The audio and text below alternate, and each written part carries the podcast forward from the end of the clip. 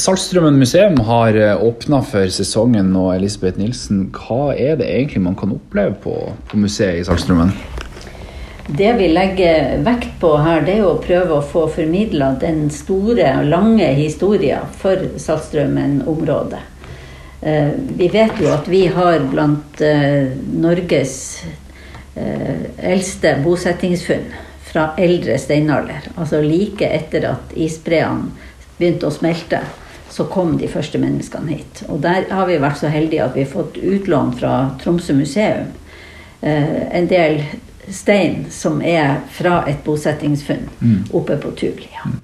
Saltstrømmen er jo en, en perle for, for, turister, men det er, ikke, det er, ikke, bare for turister dere har åpent i sommer?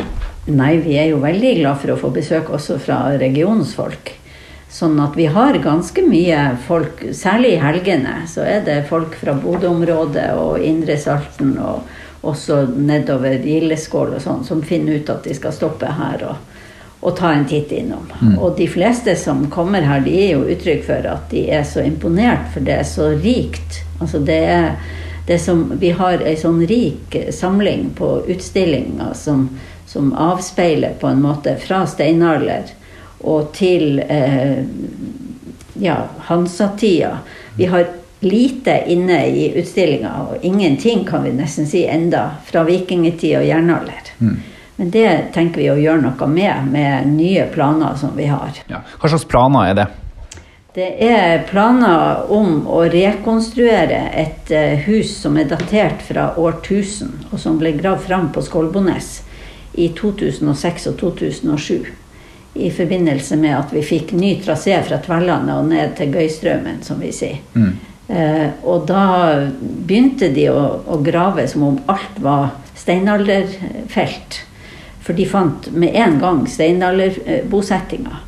Men så begynte de plutselig å finne hushjørner og skjønte at det her var noe mye mer. Mm. Så i et sånn spesialnummer av Ottar, som er et populærvitenskapelig tidsskrift som Tromsø museum gir ut, så står det da at dette var et felt med store overraskelser.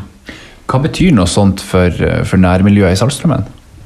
Ja, det betyr jo noe for hele området her. Og, og det styrker oss jo bare i eh, vissheten om at hele eh, Skjærstadbassenget, altså innover Skjærstadfjorden Vi vet jo at det er rike registreringer av gravhauger, og, og der er til og med ei svær skipsgrav i Kvikstadvika. Der er et helt tun altså der det er rester av bygninger, mm. som ingenting av dette er forskningsmessig utgravet. Mm.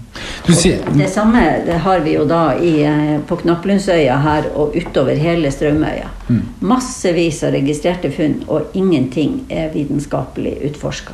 Så det er jo den unike med Skolbones-gården. Eh, mm. som vi nå ønsker å rekonstruere. At det er altså et av de få Eh, utgravingene som er gjort på vitenskapelig grunnlag av arkeologer fra Tromsø. Mm.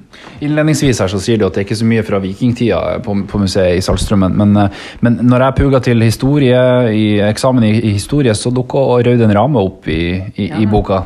Og han har vi jo på veggen her. Mm. men da i form av et kunstverk, en kollasj som ble lagd av en eh, kunstner som bodde på gamle Saltstraumen hotell i masser av år og som faktisk var, var i, i, i, hotellet og overlevde den store brannen vinteren 58-59. Mm. Og da er faktisk det bildet der noe han hadde lagd på forhånd. Han heter Ivar Klæbo. Mange i Salten kjenner han. Og, og, han eh, fikk altså berga dette bildet. Så det er av de få tingene som ble berga fra brannen da det gamle hotellet brant. Mm. Det eies i dag av Saltstraumen hotell, men vi har fått lov å låne det mens vi holdt på å jobbe med det her eh. Mm. Og så må vi jo snakke litt om eh, kan vi si Norges eldste musikkinstrument? Ja da, det er jo steinalderfunn. Ja.